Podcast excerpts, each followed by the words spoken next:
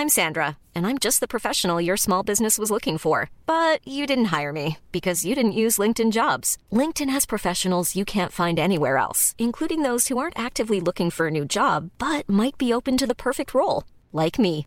In a given month, over 70% of LinkedIn users don't visit other leading job sites. So if you're not looking on LinkedIn, you'll miss out on great candidates like Sandra. Start hiring professionals like a professional. Post your free job on linkedin.com/people today.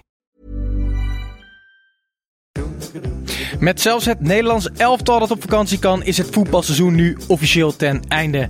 Desalniettemin is de derde helft podcast nog lang niet klaar, want ook vandaag zijn wij er gewoon weer. Na 55 uitzendingen dit seizoen laden wij ons weer op om 45 minuten volle bak te gaan. Want genoeg om over te praten, met een zilveren plak voor het Nederlands elftal, meer dan genoeg transfers en natuurlijk nog een keer een weetje wat buitenspel en nog een lookalike. Op naar een nieuwe aflevering van de derde helft. Klimmetje warm hier aan. Hey, hey, Klim, hey! Ja, het is warm hier aan. Het is snikheet. Het is niet heel hè? Snikheet. Rustig. Ja, ik... Einde van 20 jaar studiosport. Het is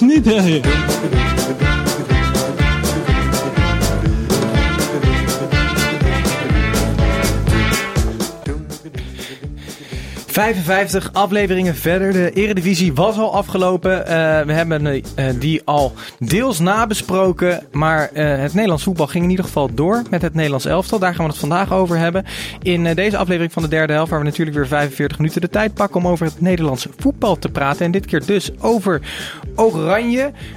Uiteraard kijken we ook even naar wat er al gebeurt eh, rondom onze eigen Eredivisie. Dus we zullen het hebben over de transfers en eh, onze andere vaste rubriekjes. Dus meer dan genoeg om over te praten. Maar voelt het voor jullie al een beetje als eh, het einde van het seizoen zoals het voelt voor nou, de mensen van het Nederlands elftal? Ik kijk even naar jou, Snijboom. Nee, zeker niet.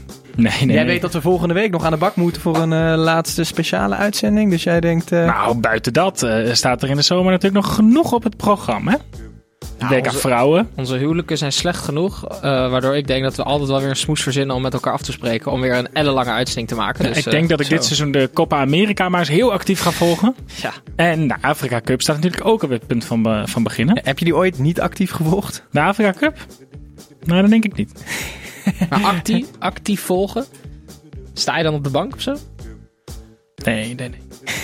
Gewoon netjes met, met, de, met de bloknoot Hey, Scout. aantekeningen maken. Jongens, wij, wij nemen eh, eh, op op de Pinkstermaandag, niet op onze vaste zondagavond. Mede komt dat doordat eh Gijs en Tim, jij volgens mij ook, jullie stonden op een, eh, op een festival, wel met onze prachtige merchandise, met het de derde helft eh, logo op je linkerborst geprint. Was het wat? Werd, werd, werd- werd- werden jullie vaak eh, aangetikt? Werd er naar gevraagd? Werden jullie vaker herkend dan normaal?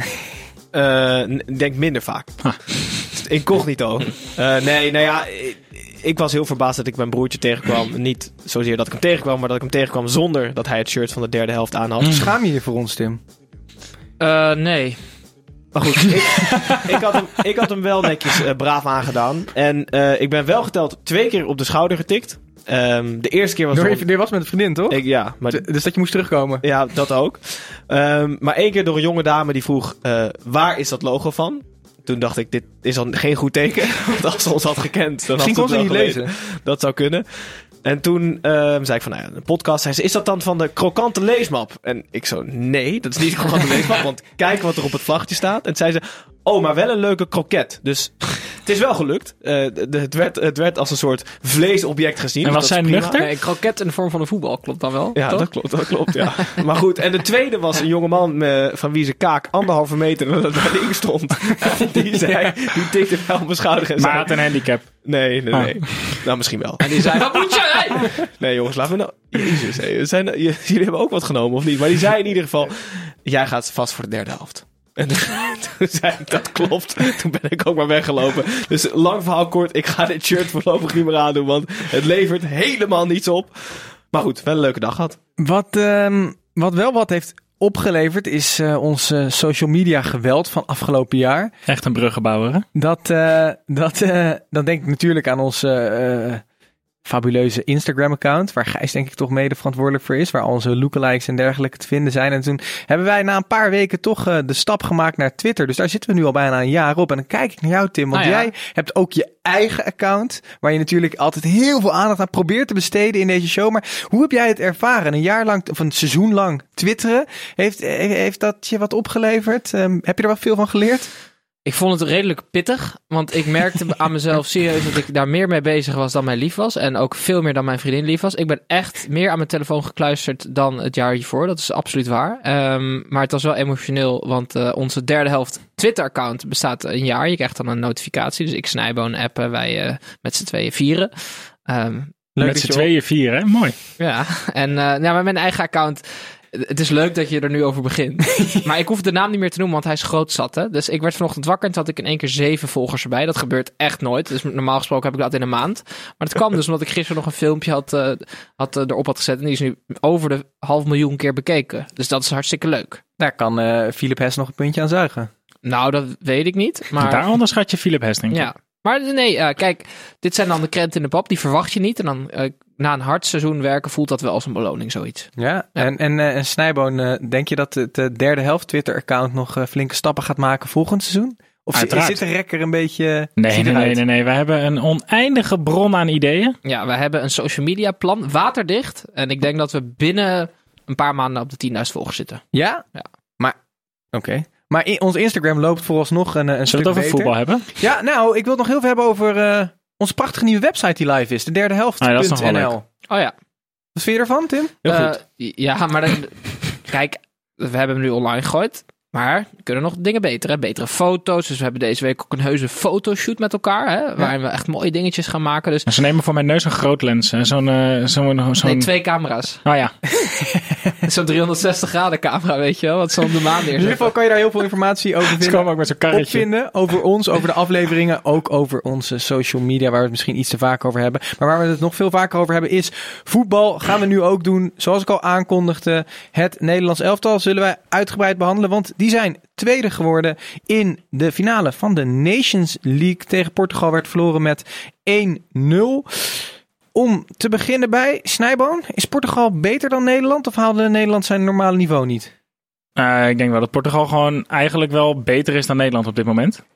Um, iedereen heeft het altijd over Ronaldo. Maar dat uh, is gewoon echt een ontzettend goed team. En um, die spelen nu toch al een aantal jaar, halen die wel gewoon een hoog niveau. En Nederland haalt de laatste tijd een hoger niveau. Maar ook als je de wedstrijd zag, vond ik het uh, eigenlijk niet meer dan terecht dat uh, Portugal die wedstrijd heeft gewonnen. Want Tim, is, is, is Portugal echt FC Ronaldo? Of is dat dus veel meer dan alleen die, uh, die uh, prachtige voetballer? Ik denk dat het tegendeel zelfs waar is. Ik denk dat Portugal zonder Ronaldo uh, gevaarlijker is. Omdat ze hebben wat ze. Want Ronaldo is een aanvaller, die trekt alles naar zich toe daar voorin. Maar ze hebben zulke prachtige talenten klaarstaan. Ik, ik zag die Rafa Silva tegen Ajax toen hij bij Benfica speelde. Die jongen is zo verschrikkelijk snel en heeft ook nog eens balbehandeling. Die kwam er gisteren in na, in de tweede helft. En die, uh, die werd ook getorpedeerd door de Roon en Dumfries tegelijkertijd. Want ja. hij kon anders niet worden afgestopt. Nou, dan had je die Guedes nog. Die is fantastisch. Bernardo Silva en Joao Felix. Wat een ongelooflijk talent is. Dus ik denk dat uh, Portugal echt niet hoeft te vrezen. Want um, het wordt alleen maar gevarieerder als hij weg is, denk maar ik. Maar je, je, je, we stappen hier vrij snel uh, over Bernardo Silva heen. Die wordt in het voorbij gaan genoemd. Maar dat... Dat vind ik op dit moment echt de beste speler van Portugal. En speler maar, van maar, toernooi, hè? Ja, maar en speler van toernooi. En volgens mij bij Manchester City intern ook verkozen tot speler van het seizoen. Ja, maar je kan toch niet zeggen dat hij de beste speler van Portugal is als Ronaldo ook in dat team zit? Dat komt dan toch ook omdat um, Cristiano Ronaldo telkens uh, letterlijk, buiten, letterlijk en figuurlijk buitenspel wordt gezet door onze verdediging. Nee, nee, maar Bernardo Silva is nu qua voetbal echt wel verder dan. En ik doe, vind echt dat, we, dat je niet genoeg uh, recht toe doet als je zegt dat Bernardo Silva goed is omdat iedereen op Ronaldo let. Bernardo Silva was dit seizoen. Ja, maar Bernardo Silva is niet een van... betere voetballer dan Cristiano Ronaldo. Dat nou, ik zeggen. Ik denk dat op dit moment een, uh, Bernardo Silva een betere voetballer is. Het gaaf aan Ronaldo is namelijk. En uh, ik las dat volgens mij dat Hans Kraai dat ook had gezegd goed voetballen en mooi voetballen boeit Ronaldo de afgelopen twee jaar al gewoon niet twee meer. jaar, nou eigenlijk al, al of zeven jaar. Het is gewoon, uh, hij is gewoon echt veranderd in een soort centrumspits. Oké, okay, uh, vraag aan jou. Jij bent uh, fanatiek Arsenal fan, dat weten onze luisteraars wel. Als jij mm -hmm. één speler uh, mocht kopen. Wordt het dan Bernardo Silva of Cristiano Ronaldo als je moest kiezen? Joao Felix. Ja? Ja, maar die is 20. dat is, ja. Maar ik, ik, ik vind op dit moment Bernardo Silva ehm, een betere voetballer dan Ronaldo. Nou, hij voegt veel meer toe aan het spel van Portugal dan Ronaldo zelf. Want Ronaldo is, wat jij zegt, van een frivole vleugelspeler in zijn tijd bij United langzaam veranderd tot gewoon een, een monsterlijke doelpuntenmachine. Ja. Maar zo klinisch en eh, los van die doelpunten is het eigenlijk heel weinig. Hij weet, ook nu hij ouder wordt, weet hij heel secuur zijn- energie te verdelen over die wedstrijd. Hij voelt wanneer het gevaarlijk wordt en dan gaat hij er 120% voor. Dus dat is een ongelooflijk, ongelooflijke eigenschap. Plus het Want- blijft een speler die... Er zijn er maar weinig die echt op het moment dat het er echt om gaat en dat je moet presteren, die dan het aller, Ja. allerbeste uit zichzelf naar boven halen. En dat is Ronaldo. Ook tegen Zwitserland. Het ging van tevoren ging het Joao Felix. De nieuwe Ronaldo is opgestaan. Een nieuw tijdperk voor, voor Portugal. Ah, niks ervan. Hij maakte gewoon weer drie. En wie nooit opstaat als het belangrijk is, ik maak er zelf het bruggetje, is Memphis Depay. Want mijn huisgenoot die zei ooit Simon Gustafsson van FC Utrecht is alleen goed tegen de kleine clubs. Ik heb een beetje hetzelfde idee bij Memphis Depay. Hij heeft één goede wedstrijd gespeeld bij Manchester United in zijn hele carrière. Dat was tegen FC Midtjylland voor de Europa League. Toen eh, maakte hij akka, speelde die mensen uit. Dat was ongelooflijk. Eh, hij heeft het naar zijn zin bij Nederland. Dat zien we allemaal. En hij is redelijk effectief. Maar hij staat nooit eens een keer op in echt grote wedstrijden. Het was te frivol. Twee wedstrijden op rij was het eigenlijk Nou, te frivol. tegen Engeland vond ik hem zo verschrikkelijk slordig. Maar hij was tegen Portugal nog veel slordiger. Dus dat, was dan, dat is dan wel heel erg. Misschien komt het omdat ik de eerste zelf niet gezien heb. Nou, ja, Waarom zit ik, je hier nog? ik, vond, ik vind hem... Ik ben er het niet helemaal niks. met je eens, want tegen Frankrijk en Duitsland was hij echt heel erg goed. Het is vooral Ja. die thuiswedstrijden dat we ze versloegen. Aan de andere kant zou jij dan weer tegen mij kunnen zeggen, dus ik vul me alvast in, dat waren niet echt grote wedstrijden, want het is een Nations League. Dus dat is geen EK, WK halve finale en ook geen, geen belangrijke eh, Maar, clubwedstrijd. nee, maar ook bij Lyon. Daar, oh, ik heb het ook over Lyon. Nee, de- de- in de Champions League heeft hij ook een paar keer echt goede kansen gehad. Ook tegen Barcelona, ik kan me nog herinneren, dit jaar. Dat hij, dat hij gewoon niet thuis gaf. Dus eh, ik vind het interessant, maar ik ben het niet helemaal met je eens. Hij kan echt nog, hij moet, want hij heeft een periode gehad bij Lyon dat het echt constanter was en van een ontzettend hoog niveau. Dat, dat volgde op die periode dat hij, ehm, dat hij tegen Portugal zo goed was. Toen wonnen we 3-0. En dat was eigenlijk de eerste wedstrijd dat hij centraal voorin werd gezet door Koeman. En dat was Ja. toen echt een gouden greep. En toen zag je wat hij in zijn mars had. Vervolgens is hij bij Lyon ook centraal voorin gaan spelen. Dat ging heel goed. Maar ook bij Lyon, volgens mij na de winterstop dit seizoen, was het ook niet meer het allerbeste van Depay. Dus het wordt nu wel tijd dat hij dat weer in zichzelf naar boven gaat halen. Dan is het nog steeds natuurlijk een fantastische voetballer, los van die twee wedstrijden nu. Ja, het verschil met Nederland en Lyon is natuurlijk dat Nederland, toen Koeman kwam, eh, werd er echt een nieuwe koers eh, ingeslagen. Hè? Eh, het was, eigenlijk werd het een Nederlands elftal opnieuw opgebouwd. Dus Memphis werd in een punt gezet en het draaide ook een beetje om hem. Hè? Want hij was de aanvalsleider. Maar bij Lyon heb je al jaren spelers lopen die eigenlijk beter kunnen voetballen. Ik bedoel bijvoorbeeld een Nabil Fekir Ja. die daar nog steeds speelt. Dat zijn jongens die eigenlijk gewoon beter zijn dan de Pai. Dus daarom komt het er ook niet uit bij Lyon. Er zijn spelers die mondiger zijn. Er zijn spelers die beter zijn dan hij. Ehm, Maar we hebben het nu... We hebben het nu Maar kan hij dan alleen maar ergens voetballen waar hij de allerbeste is? Is dat dan zijn manke? Ik denk dat hij heel erg afhankelijk is van zijn omgeving, ja zeker. Ja. Oké, maar zijn omgeving in het Nederlands elftal was ook niet je van het eh, in eh, deze finale. Waar, waar, waardoor kwam dat, denk jij, Tim? Niet, er, waren, er waren veel eh, jongens die niet thuis gaven. Het was gewoon niet het Nederland wat wij misschien verwachten na afgelopen half jaar. Ja, ik, ik, ik weet het eigenlijk niet heel goed. Ze waren, niet, zeggen. ze waren niet in staat om Portugal echt de wil op te leggen. Portugal liet ze aan de bal. En dat was prima. En, en dat gaat dan ook, dat ging goed. ehm, tot Frenkie of de backs. Maar voorin was er gewoon niemand die echt een bal vasthield. Ik vond eh dit- Bergwijn dit nog de meest bedrijvige. Zijn, zijn- zijn ze misschien op? Zijn ze moe?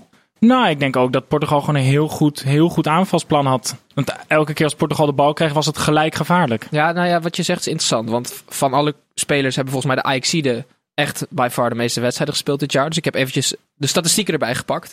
Eh, de Licht die won 55% van zijn duels. Wat volgens mij voor hem heel erg laag is. Frenkie de Jong 45%. En volgens mij wint hij ook normaal gesproken heel veel duels. Maar Daley Blind, die won er 75. En ik vond Daley Blind misschien wel de beste op het veld. Ja. Ehm, en je zag ook dit seizoen in de Champions League. Daley was eigenlijk altijd een van de uitblinkers op het allerhoogste niveau. Ik vraag me af hoe dat komt. Want Blind was natuurlijk wel eigenlijk heel laat aangesloten bij Ajax. En begon eigenlijk veel, echt een paar weken later met zijn voorbereiding eh, dan die andere jongens. Dus misschien dat het daardoor komt. Want je ziet wel Nou ja. duidelijk dat de Licht en Frenkie waren gewoon Niet hij, top. Hij is negen jaar ouder dan Matthijs de Licht. En hij is eh zes, jaar, zes, zeven jaar ouder dan de Jong. Dus zijn lichaam is ook gewoon veel meer volgroeid. En veel meer gewend aan. Al is het een jaar bij Manchester United eh, niet elke wedstrijd spelen. Maar wel elke dag op een goed niveau. En op een zeer serieus niveau trainen. Ik denk dat hij gewoon wel meer gewend is. En misschien met die ervaring af en toe. Tegen Heracles of tegen Pek Zwolle. Wel even wat gas terugneemt. Terwijl Ja, ik het precies. gevoel heb dat deze twee jongelingen echt als, als wilde labradors nog elke wedstrijd helemaal Mhm. tot het gaatje. Je zag ze soms huffen en puffen na, Ja. na een wedstrijd tegen Excelsior. Dus misschien is dat ook wel een, Maar eh, die, een ehm, verklaring. die, wil, die wilde Labradors waar jij het over hebt, ik denk wel dat dat de komende tien jaar... Bestaan eh, er wilde labradors? Ja, de jongen het licht. Nou, ik denk wel dat eh, de, de, de, de komende tien jaar hopelijk het daar in die verdediging, zeker in het centrum, wel goed zit. Aan de andere kant ben ik ook wel benieuwd naar de toekomst van het Nederlands elftal en hoeveel rek er nog in zit. Volgens Koeman is het voorin te dun op dit moment. Dat gaven jullie net ook al aan. Komen er, komen er nog andere talenten aan die dan eh, wel eh, wat meer potten kunnen breken dan bijvoorbeeld de Memphis Depay de komende vijf, zes, voorin jaar? je? Ja? Ik denk dan meteen aan Dashan, Redan en uh, Tahi Chong. Twee jongens die in Engeland spelen. Eén voor Manchester, eentje voor Chelsea.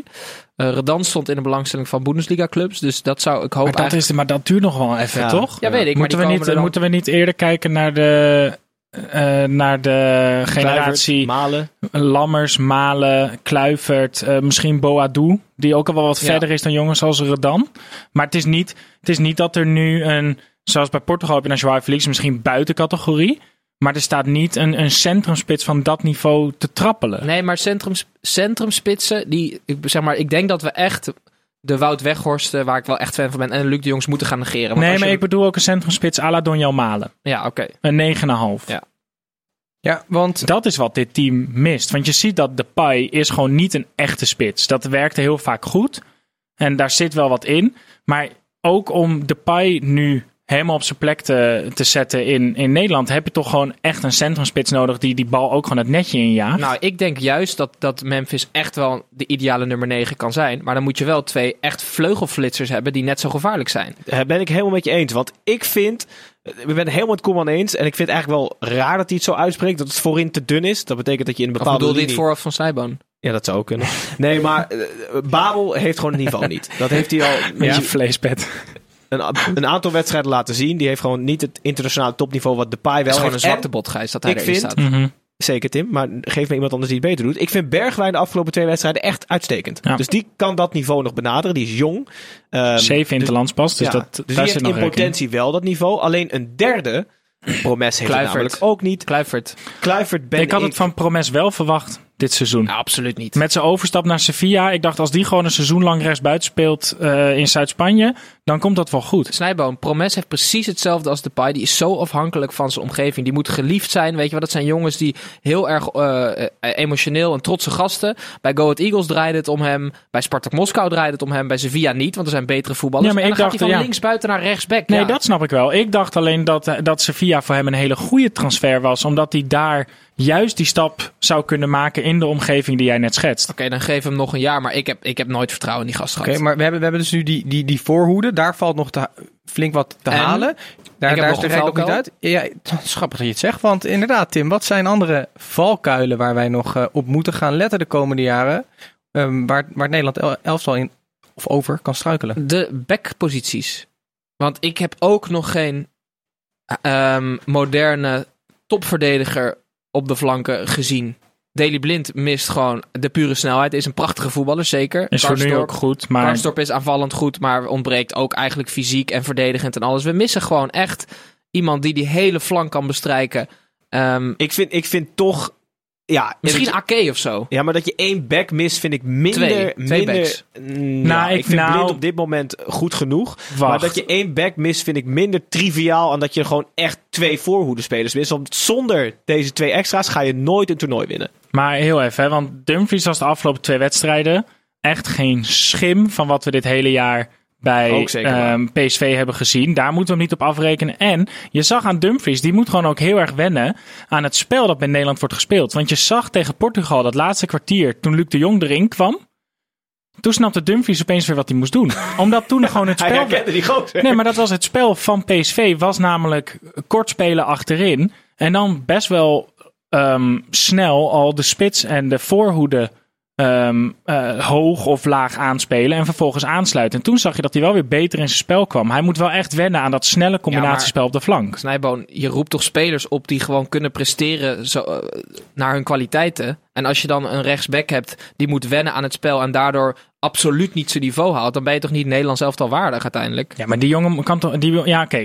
Kijk, ik, vroeger had ik gezegd... het Nederlands elftal is inderdaad niet een leerschool... en daar ga je heen als je heel groot bent. Nou, die arrogantie kan het Nederlands elftal zich gewoon echt niet meer veroorloven.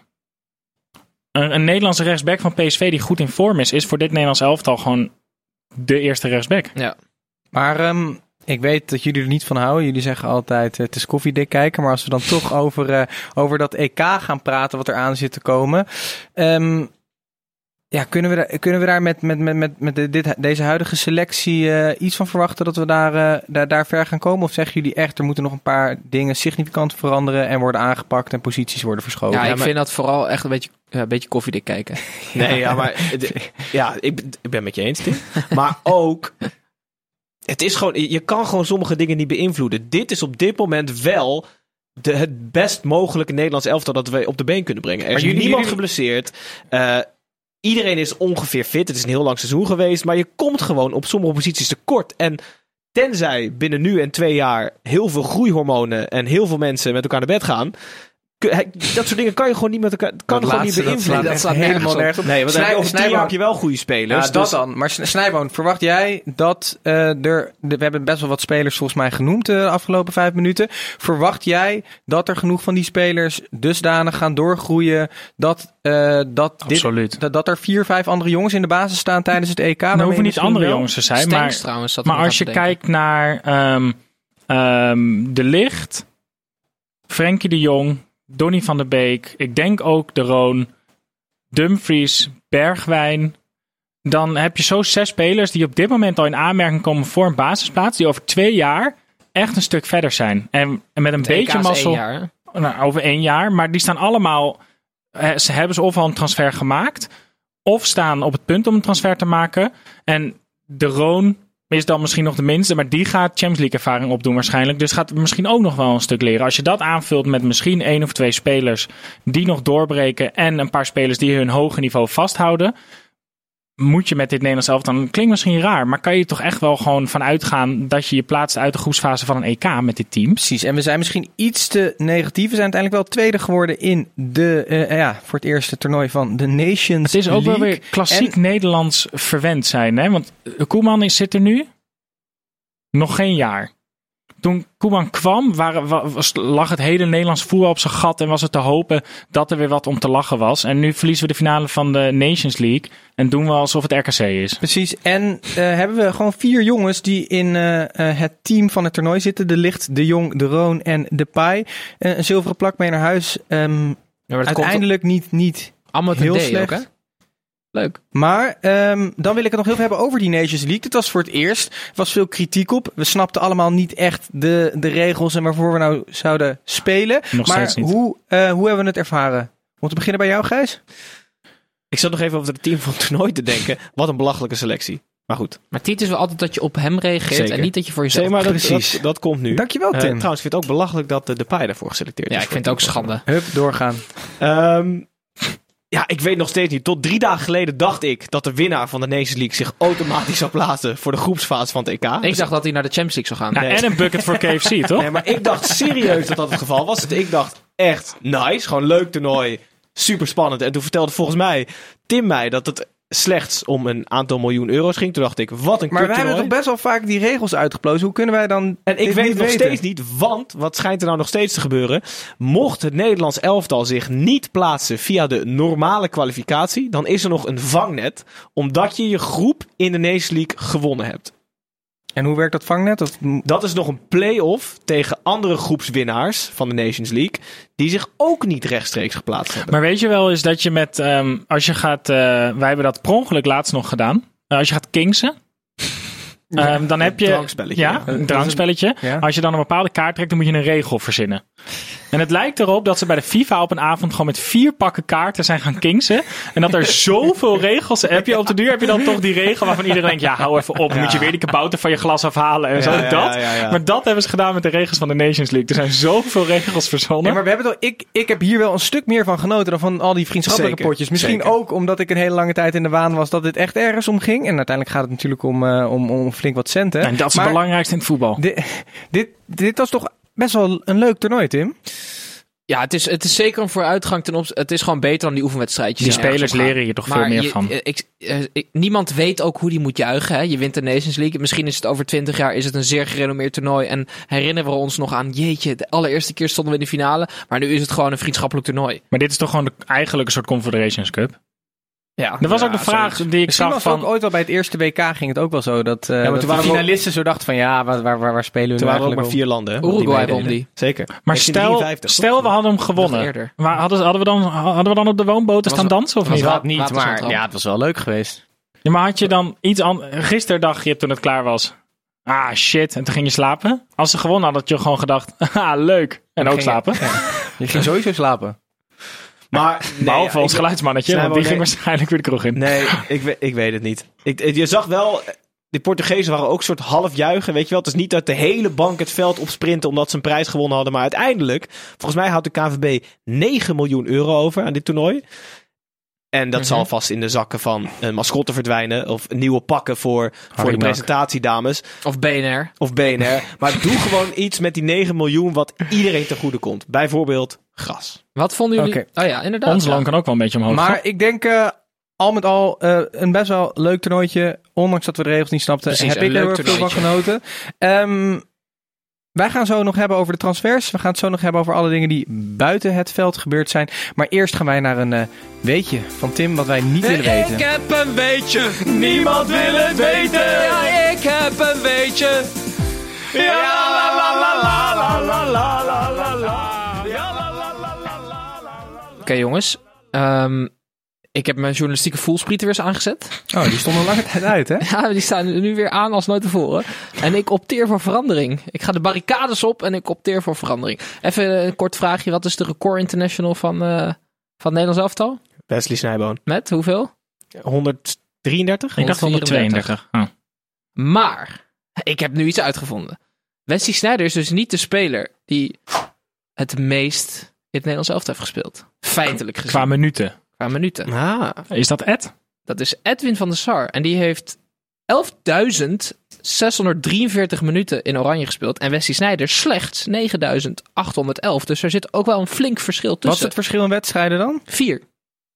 Dus Edwin heeft vier wedstrijden minder, maar echt veel meer minuten gemaakt. Dus eigenlijk is hij de record international. Daar opteer ik voor. Ik ga op de barricades. En hoe, wa- wa- wa- wat betekent dat als jij op de barricades gaat? Hoe ga je dit eh Digitale van barricade. Sar eh, Maar we regelen? st- laten we het zeggen, we staan achter je. Maar wel echt een stukje achter je. Er zit wel eens een flink gat. Ja, wel dat andere mensen niet zien dat we achter je staan. Ja, ik ga wel voorzichtig, zal ik dit eens eventjes eh, de sociale eter inslingeren. Kijken hoe men reageert. Waarschijnlijk woedend, maar dat is prima. Oké. Krijg ik ook aandacht. Ja. dat wist je en- toch niet precies. weten? En, en, dit dat was, is- dit was de je- ultieme samenvatting van Tim's persoonlijkheid. Dan krijg ik ook aandacht. hey, ehm, Komt uit de jeugd, jongens, allemaal voort. Oké, het is goed met je. Wij eh, gaan door naar iets heel leuks. eh, waar, waar we nog wel vaker op terug zullen komen deze zomer. Want er gaan veel verschuivingen plaatsvinden. En eh, ik wil eigenlijk iedereen eh, uitnodigen om eh, met mij in de transfercarousel te stappen. Zijbo, stap in, anders mis je hem. Oké, daar gaan we. Daar gaan we. Wat voor transfers hebben we? Ja, jongens, transfers. Om te beginnen bij eh, Tim. Kom jij maar door. En eh verblijd ons met een transfer in deze transfercarousel. Ik noem er even één. Ehm, een oudspeler van FC Twente staat in de belangstelling van Arsenal, Snijboon. Jouw geliefde club. Joachim Andersen. Joachim Andersen, die is voor echt een habbekrats naar Sampdoria vertrokken. En die gaat nu misschien voor 50 miljoen naar Londen. Niet, nou, Misschien. nee, nee, nee. In een dubbel deal met Dennis Praat. Maar ja? jongens, zullen, we, zullen we het alleen wel even doen over de transfers die al gebeurd zijn? Want Oh, anders ja. kan je echt alles. Oké, eh, Maher naar Utrecht. Uitstekend. Oké, Zeer leuk. dat, eh, dat, dat zat er al een tijdje aan te komen. Ja, soms heb je als club dat je dan zo'n transfer maakt wat echt een stap omhoog betekent. Waar, waar je ook een bevestiging krijgt van dit was een goed seizoen en we staan er goed op. En dat vind ik de transfer van Maher naar Utrecht. Want normaal gesproken zou je hem dan makkelijker naar Feyenoord brengen of zo. Misschien een, middenmotor ergens in Spanje. Maar ehm, ik vind dit heel erg leuk. Hij had bij kunnen tekenen bij AZ. Heeft hij ook niet gedaan. Maar is het... Dit is ook dus de ik wil- ik meerwaarde wil van hier Van der Brom. iets, iets verder op inzoomen. Want Ja. is het voor hem, nou we hebben het hier al met eh, John van der Brom eh, over gehad, is het een goede keuze? Hebben we het hier Een met, je- heb jij het hier met John Ja, van der Brom over- over We gehad? hebben het hier over het feit dat John van der Brom deze stap eh hebben we het, gehad of dit nou een goede stap was, of de stap omhoog was. Is dit voor Maher een stap omhoog? Dat is het eerste wat ik wil weten. En daarna, Tim, je mag twee antwoorden geven, wil ik ook weten. Is het raar dat Feyenoord hier niet in is gesprongen en hem weg heeft kunnen pakken? Antwoord 1. Het is een goede stap voor Maher, want hij is een Promes en een Depay. Dus hij moet de man zijn waar het om draait. En bij AZ was dat nog wel het geval. Dus hij, wat mij betreft ook had hij bij AZ kunnen blijven, net zo goed. Maar hij wilde waarschijnlijk een nieuwe, verse omgeving. En hij komt volgens mij ook uit Utrecht. Eh, dus ik denk dat hij daar heel graag heen wil. Eh, ik had hem als Feyenoord ook zeker genomen. Dus eh, dat is ik niet. Oké. En de vraag natuurlijk af, waarom Waar- niet? waarom nou, niemand, niemand vroeg dat, hè? Heel Waarom goed. niet? Maar ik hoor wat jullie denken. Snijboon, jij vraagt het zeker. Eh, het is namelijk totaal geen Feyenoord voetballer. Hij heeft eh, een soort semi-arrogante uitstraling. Het is niet per se een hele harde werker. Als die jongen drie ballen naar de verkeerde kleur speelt in de Kuip, wordt hij uitgefloten. Dus ik snap wel dat Feyenoord hem niet neemt, want het is geen Feyenoord. Maar Van Oké. Persie is een semi-arrogante voetballer. Dat is Die is geboren in de Kuip. Maar Dus dat, ja, is, dat is ook wel wat anders. Ja, en, en- en van mij zelf snap ik ook heel goed dat je zo kort na de bakel PSV Ja. niet weer dat doet. Maar Nou, Snijboon, ik- ik blijf had niet te lang praten, anders mis je weer de eh transfer carousel. Want wij gaan gewoon door. Dit keer naar Gijs. Wat voor transfer heb jij eh, meegenomen? Ja, eh, onze eh, f- eigenlijk veel besproken zogenaamde clubheld Maurice Stijn verlaat de, hoe noem je dat, de plastic zandbak van Venlo naar een echte zandbak. Smalland. Ja, precies. Naar El Al-Wahda. Al- Al-Wahda. Oké, ja. Tim spreekt het beter uit aan dan het begin van het seizoen had hij nog een huis gekocht in Venlo. Scheen hij eh, daar Ja. helemaal op zijn plek te zijn. Ja, wat schijnt, voor een miljoen per jaar gaat iedereen naar uitwachten. Ja, Maar zeker. gaat hij dan ook in zo'n jurk lopen? Wat? Nou, dat kan. Nee, ik, ik hoopte nog een tijdje dat hij eh, trainer zou worden bij Feyenoord. Ik dacht dat dat misschien wel een goede fit Als jij zou zijn. zaakwaarnemer zou zijn, zou echt iedereen bij Feyenoord spelen. Maar, maar ehm, is, dit, is dit dan niet voor hem, als, als, hij, als hij er nu zo... Volgens mij stond hij er best wel goed op, zeker na die eerste seizoen zelf. Is het dan niet een, een, een, een, een jammerlijke stap? Volledig begrijp. Ja, over twee jaar staat hij er hier in Nederland nog hetzelfde op. Ja. Gaan dezelfde clubs. staat En, maar dan is hij 2 miljoen euro verder. Ja, maar hij had toch, hij had toch wel nog een tussen, Maar tussenstap dit is, kunnen Mar- maken? Maurice Stijn is niet het type trainer die zich nu al financieel onafhankelijk heeft gespeeld, denk Zeker ik zelfs. Nee, maar ik denk als je dus nu een paar jaar bij één stapje hoger, en dat hoeft dan niet per se Feyenoord te zijn, maar dat kan ook iets in, in, in Nee. Duitsland zijn, of dat kan ook nog iets in de eredivisie zijn, en dan twee jaar nog meer goed werk doet, dan kan jij jezelf de komende tien jaar werk verschaffen, waarin je waarschijnlijk meer over tien jaar tijd aan overhoudt dan Titus. twee jaar in de Maar wat jij staan. nu zegt- Verschrikkelijk kortzichtig. Wat jij nu zegt, kan hij over twee jaar precies zo uitvoeren. Maar, ma- Er verandert niks aan zijn reputatie in de komende twee jaar. Wat er ook gebeurt in de zandbak. maar Al wordt hij daar twee keer laatste. Hoe de fuck komt Al-Wahda bij Maurice Stijn terecht? Dat vind ik nog zieker eigenlijk. Hey, was Henk ten Katen daar niet coach? Nee, dat, was Al-Ali, dacht ik.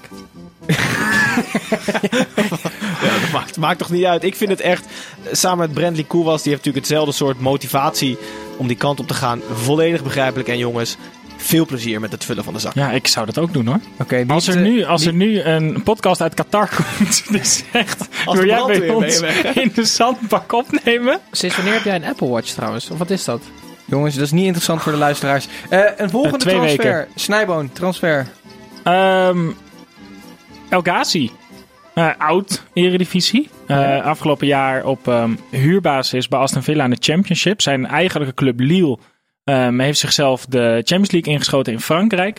Maar toch heeft, heeft El Ghazi gekozen voor de Premier League. Dus die heeft voor vier jaar getekend bij Aston Villa. En wat ik hoorde was dat ze, bij, eh, dat ze in Birmingham eh, erg tevreden over hem waren. Maakte nog een goal in de playoffs. Dus eh, een mooie stap voor El Ghazi. Gaat hij ooit het basisplaatsje bemachtigen in het Nederlands elftal? Nee. Het, eh, ik, ik, ik, oh, Het nee. kan een soort Babelverhaal worden. Het dat kan- hij op latere leeftijd nog Ja, als kan. opvulling Ja. In Nederland zelf. En Mag ik nog de transfer benoemen? Ja. Siert de Vos naar FIFA 20. Oh ja. Een nieuwe Ja. commentator. Is het dan nu al rond? Want Ja, er werd ja. erg shady over gedaan. Nee, Evert die, eh, is als rijpe appelen weggegaan. En eh, nu wordt het Siert. Dus ik ben daar wel echt best wel benieuwd naar. Dat is eindelijk zo'n verandering Kan je dan waardoor je eindelijk... wel eh, FIFA 20 wil kopen. Ja, ben je, ben je daar blij om? Ik vind dat wel leuk, ja. Ik ben wel benieuwd. Maar ik, ik ga pas weer. Ik, ik word wel eens weer blij met FIFA als ze dat zaalvoetbal erin doen. Want ze hebben nu FIFA Street erin. Maar ik Ja. wil die, die eh, Road to the World Cup eh eh, zaalvoetbal met die houten planken. Dat wil ik terug. En ik wil dat elke goal die Rakitic maakt, maakt niet uit hoe, dat hij... We are ready for lift-off. dat hij dat bij elke goal doet, dat lijkt me. Oké, weer terug naar het, eh, eh, het echte voetbal. Een transfer. Gijs? Eh, ja, eh, de, de roof van mijn geliefde eh, Emma begint al. Eh, linksback Channer Kavlan vertrekt naar Austria Wien. Heel begrijpelijk, maar echt vreselijk. Het is namelijk echt een heerlijk bekkie. Eh hij Heerenveen heeft hij ooit een uitstap gemaakt naar Ja. het Mhm. buitenland wat niet helemaal gelukt is. Toen teruggekomen bij Emmen en heeft zich echt heerlijk ontwikkeld. Echt een, een, een, een, ja, een terrier op linksback. Ehm heel jammer Mooie dat hij trap weggaat. ook. Ja, Mooie zeker. trap, goede speler. Dus eh, jammer dat hij niet eventueel een stapje binnen de eredivisie heeft kunnen maken. Maar goed, Austria Wien. Heeft Emma al een, eh, een eh, passende vervanger klaarstaan? Anko Jansen gaat nu de hele linkerflank. Maar Gijs, van, van Emmen naar Wenen is wel echt een Zalig, heerlijke stap. Ja, zeg. ja, ja. ja, jongen, ik gun het er van harte, maar mijn hart bloedt. Zo. Ehm, Tim. Ja. Kom maar door. Heb je weer de transfer? Mm, nee, ik heb er... ehm ehm, ja, Leren Duarte heeft zichzelf beloond met een overstap naar Aris FC. Snijban, je hebt die foto gezien van Ja, hij werd binnengehaald als een popster. Daar stond hij met zijn zonnebrilletje op het vliegveld met zo'n geel-zwarte sjaal. Maar is dat Griekenland of is dat Cyprus? Volgens mij Griekenland. Hm. Maar eh, mijn topografie is niet meer wat het geweest is. hoor. Maar dit is, ik voorspel je dat hij binnen een half jaar clubloos is, omdat hij niet betaald is.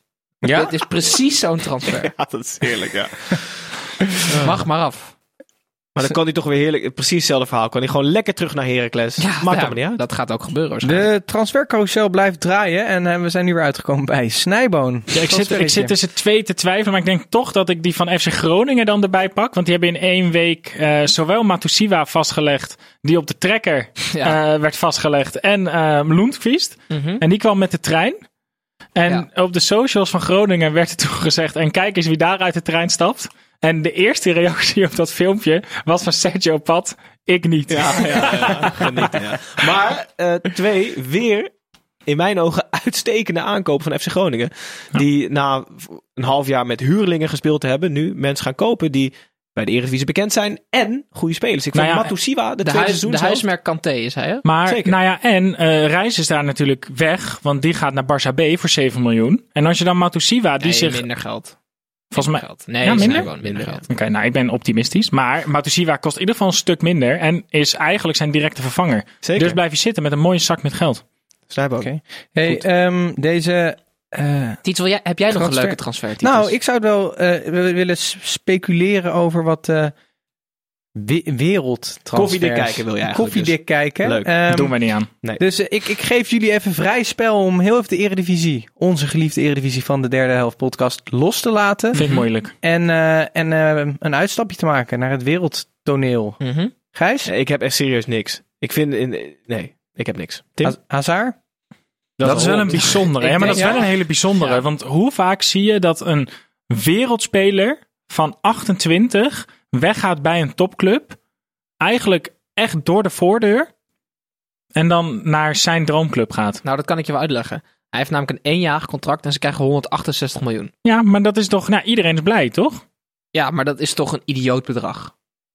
Ja, er werd ook eh, 100 miljoen neergelegd voor een 33-jarige Ronaldo. En ik zweer dat de Primera wordt drie jaar lang echt de speeltuin van Hazard. Die man is zo ontzettend goed nog steeds. Maar gaat hij dan echt op 10 of op links? Nee, die gaat op links spelen en Vinicius op rechts. Nee, en dan gooien ze Beel, gooien ze naar Manchester, krijgen ze Pogba terug. Ik denk tien en een half. Zo tussen de linksbuiten en nummer 10 in. Uitstekende positie. Ah, dat wordt echt mooi hoor. Zeker.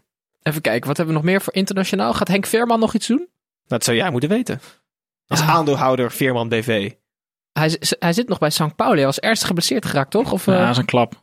Ik ga hem even in de gaten houden. Kom ik dan eh, later op Jongens, wij gaan het eh, hierbij laten wat betreft de transfers. Wij gaan het hier nog wel meer over hebben gedurende deze zomer. En natuurlijk eh, als wij gaan voorbeschouwen op het nieuwe Eredivisie seizoen. Maar er is gefloten en nu ook gevlacht. Wat betekent dat wij naar buitenspel gaan. Waar we altijd kijken naar wat er buiten het spel is gebeurd. En om te beginnen bij mij. Want we hebben nog steeds de lookalike niet behandeld. Dus gewoon erin. Die eh, eist eist hij gauw op. Zeker. Eh, we hebben Nederland-Engeland niet behandeld. En Engeland-Zwitserland ook niet behandeld. Ehm, maar we kregen wel... Je zegt alsof we het vergeten zijn, maar dat is toch helemaal niet nee, de nee, bedoeling? dat is zeker niet de bedoeling. Maar we kregen Nee, wel vanuit gelukkig. die wedstrijd, ehm, wedstrijd dun, drie dezelfde. En dat, is, dat gebeurt niet vaak. Ehm, drie dezelfde suggesties voor een lookalike. En het gaat over de aanvallende middenvelder. Maar van wie Van kregen we die suggestie? Engeland. Even die namen noemen. Ja, ja, ik heb ze opgeschreven, Tim. Rustig. Eh, jij was namelijk niet. Noem even die namen. Joop 0 of Joop O hoofdletter. Dat weet ik niet. Of Joop O. Ja, Of is het J00P? Dat kan natuurlijk ook. dat kan ook. Ga door. Of was het ja. Of J0OP0. of Volgens mij was het trouwens Jaap. Maar heb ik het verkeerd opgeschreven? Oké, Jaap 0. Of Japo. en, of, ja. Of Nee, oké. En Renati. En eh, Jerry Rook. Waarschijnlijk een Engelsman. En nu naar de lookalike. Of Jerry Rook. Ja, dat is sowieso J Het, ook. het valt mij namelijk al weken op. Echt, ik volgde zijn Spurs niet heel erg goed. En Snijbo, jij kan het misschien beamen. Ik, ik volg de Spurs ook niet. Deli Alli heeft wel echt een dramatische seizoen. Gel- gelukkig. Ligt Ja. het aan mij. Het, ja, Voornamelijk de laatste weken is hij zeer uit vorm. ja. Actiever op social media dan op het veld, zeggen ze dan in Net als eh, DJ. En ik weet even niet waar hij verder bekend van is. Volgens mij Geordie Shore of Jersey Shore. D. Ja, dat is Jersey Shore. Jersey Shore. Ja. Nou goed. ehm, die Paulie D was dus aanvallende middenvelder bij Spurs. En heeft eh meden ervoor gezorgd dat Ajax uit de Champions League is. is. Maar, Maar hij heeft matig gespeeld tegen Zwitserland en Portugal. Oké, En Nederland. ik, ik kan me hier totaal geen voorstelling bij maken, maar gelukkig wordt ik maar wel dezelfde kapper, denk ik dan. onze social media kanalen en eh, kan ik dit terugvinden op Instagram, Twitter en Facebook. Zeker. Eh, Dankjewel eh, Jaap of Joop. Sorry. Ja, precies. En dan ander buitenspel. Wat is er nog meer buiten de velden gebeurd? Tim. Snijboon. Ehm Mogen, ja? gefeliciteerd. Mogen we het zeggen? Oh nee, nee, dat, komt, dat doe jij. Oké. Eusiel is getrouwd. Heb je Ja, dat meegekregen? Zeker. Ja. En jij, eh, nou, nou, jij weet dat dan al. Maar ik vond het doodeng. Want jij weet wie daar was als eregast. Jongens, help ons even. Erdogan was Erdogan was de, eregast. nee, de, de getuige. Wel- De Hij was getuige van Eusiel. Nee, Het is toch eng, of niet? dat is vreselijk. Ja, er Ik is het tijdens het WK natuurlijk veel over te Gaan doen geweest. politieke uitingen doen in een voetbalpodcast? Sport en politiek gaat altijd samen, zelfs als je het niet wil. Kan ik weten. Ik ben op afgestudeerd. Jij bent op sport en politiek afgestudeerd. Ja. Ja? En dan kan je lachen. Ja, nee, ik wist dat niet. Ik heb eh, eh, uitgebreid onderzoek gedaan naar de politieke eh, inmenging in het WK 1978 in Nederland. Nou ja, het WK was in Argentinië, maar ik heb de Nederlandse politieke Nee, je hebt in discussie Nederland onderzocht. die dat onderzoek geschreven. Wat bedoel je? Ja, in, in het Argentijns heb ik het geschreven. Oké, ja, daar komen we misschien later nog een keer op terug. Nou, maar was, was dit, was, was Ja, dit ik vind het doodeng, want Eusiel die eh, was toen niet opgenomen in de selectie van die manschaft, toch? In- Van het WK, omdat hij toen eh, dus heel, heel veel consternatie, omdat hij op de Nee, hij foto was er stond. wel bij, maar hij en Gundogan waren op de foto gegaan met Erdogan. En toen was er heel veel gedoe. En toen was hun reactie, ja, we konden die foto toch niet weigeren. Nou, dit is wel iets proactiever dan een foto niet weigeren. Nou, hij kan die, ja, misschien kon hij die getuige niet weigeren, dat Erdogan zei, ik ben getuige. Ja. Nou, ja, het is wel echt het is best wel risicovol om dat nee te zeggen. en ook reden is dat hij dat zei, toch? Ja. Vuile Erdogan. Hey, jongens. Jezus, ja, waarom? Eh, eh, S- S- Snij- Snij- Snijboon, wat is jouw nieuws? Jij, jij stond net al te popelen volgens mij om iets te zeggen. Wij worden nu trouwens sowieso geband, dat is prima. Ja, Geblokkeerd. Dan kunnen we daar niet beluisterd worden. Dat is toch misschien oprecht wel jammer. Dit gaat eruit, toch? Snij- Snijboon, hupske, nieuw. Ehm, ik, heb, eh, nou ja, ik heb één persoonlijk nieuwtje en één ander nieuwtje. Eh, laat ik eerst met het onpersoonlijke beginnen. Hè. We hebben het altijd over de KNVB, KNVB-maffia. Ehm, maar als de KNVB dingen goed doet, moeten we dat ook zeggen. Mhm. De KNVB heeft namelijk 30.000 euro geïnvesteerd in het vrouwenvoetbal in Qatar. En wat, wat, oh, en we weten fuck? natuurlijk dat, de, dat in Qatar zitten ze niet zo ruim. Hè. Ze hebben slechts 70 miljard geïnvesteerd in nieuwe stadions. Ja. Ehm, maar er is, een, ehm, er is een voetbalproject wat zich richt op de inclusiviteit van jongens en meisjes in het voetbal wereldwijd. En Qatar is een van de landen waar de KNVB bijdraagt aan dat, ehm, aan dat project. En eh, daar hebben zij de mooie som van 30.000 euro geïnvesteerd om 24 mensen te leren in Qatar hoe je vrouwen te leren, volgens mij, hoe je mensen 4 tegen 4 moet laten spelen en hoe je een training op moet bouwen. Dus eh, ja, eh, Holy shit, maar voor, indrukwekkend. voor, ja, voor dat geld, leuk zijn we, voor dat geld had je, kan je toch 20 jaar lang grasvelden in de Eredivisie aanleggen, of niet? Nee, nee, nee. Voor 30.000 euro? Nee, Ja? Tim. Dan leg je een, eh, een 16 meter gebied Hoeveel aan. kost een pak rijst volgens jou? 200 miljoen. oh, sorry, dan maak ik een inschattingsfout. Eh, mag, ik, eh, mag ik even tussendoor? Want Ja. dit is precies wat, waar mijn weetje over gaat. Namelijk... De, Jouw weetje? De, Ja, weet je. Heb jij ook een weetje Heb mee. jij een nieuwe rubriek Ik ben voor heel jezelf bedacht? erg jaloers op mijn broer. Het zit er zo in dat het, dat het eruit moet. Maar eh, over geld gesproken. Ik heb een lijstje met de eh, zeven eh, meest rijke... Dus die mensen die heel veel pakken reis kunnen kopen. eh, voetballers. Nou, leuk. Ehm, in Nederland. In Nederland. Dus. Nederlandse spelers. Oudspelers ook? Nederland- Nee, eh, Ja, maar wacht actief. even. Ze moeten in Nederland spelen of ze zijn nee, Nederlands? zijn Nederlander. En de enige die afscheid heeft genomen... is, ehm, Is Robin. Ja. Oké. Gini Wijnaldum. 24 miljoen euro's. Kan 12 pakken reis kopen voor een kind. Virgil van Dijk kan iets meer kopen. 25 miljoen. Klaas-Jan Huntelaar. 30 miljoen. Wat? Ja. Is, dit, is dit zowel eh, inkomsten uit... ehm, Dit komt trouwens van Quote. Eh, Nee, dit is eh, plus ook de waarde van alles wat in hun koelkast staat. Ja, ongeveer. Nee, dus bij Quote zeggen ze altijd... hij heeft dit bij elkaar gevoetbald. Maar het is een schatting. Dus het kan het dubbele zijn. Maar het Want niemand laat namelijk echt zijn bankafschrift zien aan Nee. Sander. Nigel de Jong. 32 miljoen. En Nigel de Jong verdient heel erg veel geld met, Met die het auto's. verkopen. Ja. in oude auto's. Minstens net Nieuwe zoveel auto's ook. als tijdens de carrière. Wesley Sneijder, 39 miljoen. Robin van Persie, Maar 8 is dat en, voor of na zijn scheiding van Snijder? Want dat moet eh, hij delen. hij is nog niet 18,5 gescheiden. Het is nu 18,5 miljoen krijg je net door. Dus inderdaad de helft. Nee, hij is nog niet officieel gescheiden. Dus je loopt op de zaken het is weer vooruit. 39 Het is krijg je 90 door. krijg je net door. Het is, nu, het is 40. Robin van Persie, 48 miljoen. Ja, En waar zit bij hem dan eh, de, de, de grote verdiensten? Manchester United. kan ik je wel eh, vertellen. Daar heeft hij natuurlijk twee jaar gespeeld. In Turkije hoeft hij geen belasting te betalen. Ook zeker Door waar. die aardige Erdogan. Ehm, en de rijkste? Van, eh, Robben. Zeker. ah ja. Met 64 miljoen euro's schoon aan het Ja, maar die, die speelt al dus een aardig, aardig tijdje bij Bayern voor, voor een hongerloon. 32 pakken rijst. Nou, leuk weetje. Was Ja, dit dan ook een mooi. weetje wat we niet wilden weten? Nee, dit en is een ander rubriekje. Dus Nee, weet je wat je wel wil weten. Precies. Hey, tot, away. Nou, we hebben, we Snijboom, hebben nog, ja, we hebben nog één persoonlijk weetje. Want ehm, zoals, zijn jullie, zoals jullie... eh, nou ja. Hup, Ja, nou, alleen. Nee, ja, alleen ik. Ja.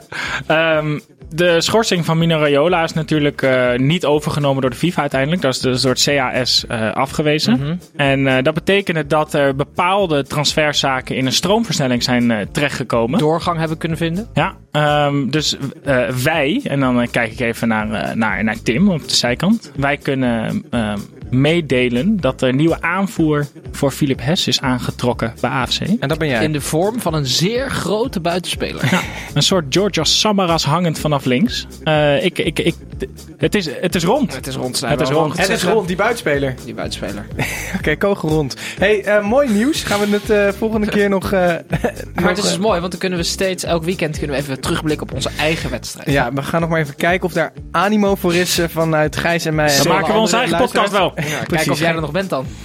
Zo, jongens, eh, ik ben er in ieder geval wel nog volgende week. Dan hebben wij een prachtige uitzending. Hij komt maandag online, waarin wij eh, het hele seizoen nabespreken. Het Eredivisie seizoen en eigenlijk alles rondom het Nederlands voetbal. En dat doen wij vanuit de Armada Studios. De studios waar normaal gesproken Armin van Buren staat op te nemen met heel veel videomateriaal. Dus hou ook je YouTube in de gaten. En eh, hou ons sowieso in de gaten op alle social kanalen. Ehm, want Ja. Komende weken gaat er... eh, gaat er nog eh, het een en ander gebeuren rondom de derde helft. Dus nog heel veel voor jullie te beluisteren en te bekijken. In ieder geval nu tot volgende week.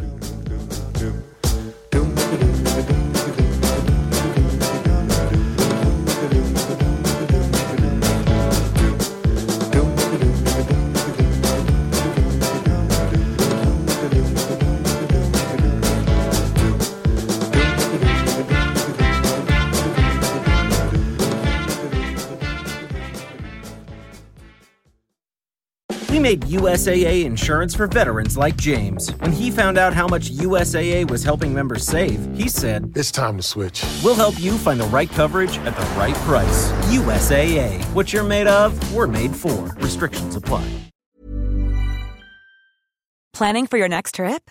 Elevate your travel style with Quince. Quince has all the jet setting essentials you'll want for your next getaway, like European linen, premium luggage options, buttery soft Italian leather bags, and so much more. And is all priced at 50 to 80% less than similar brands. Plus, Quince only works with factories that use safe and ethical manufacturing practices.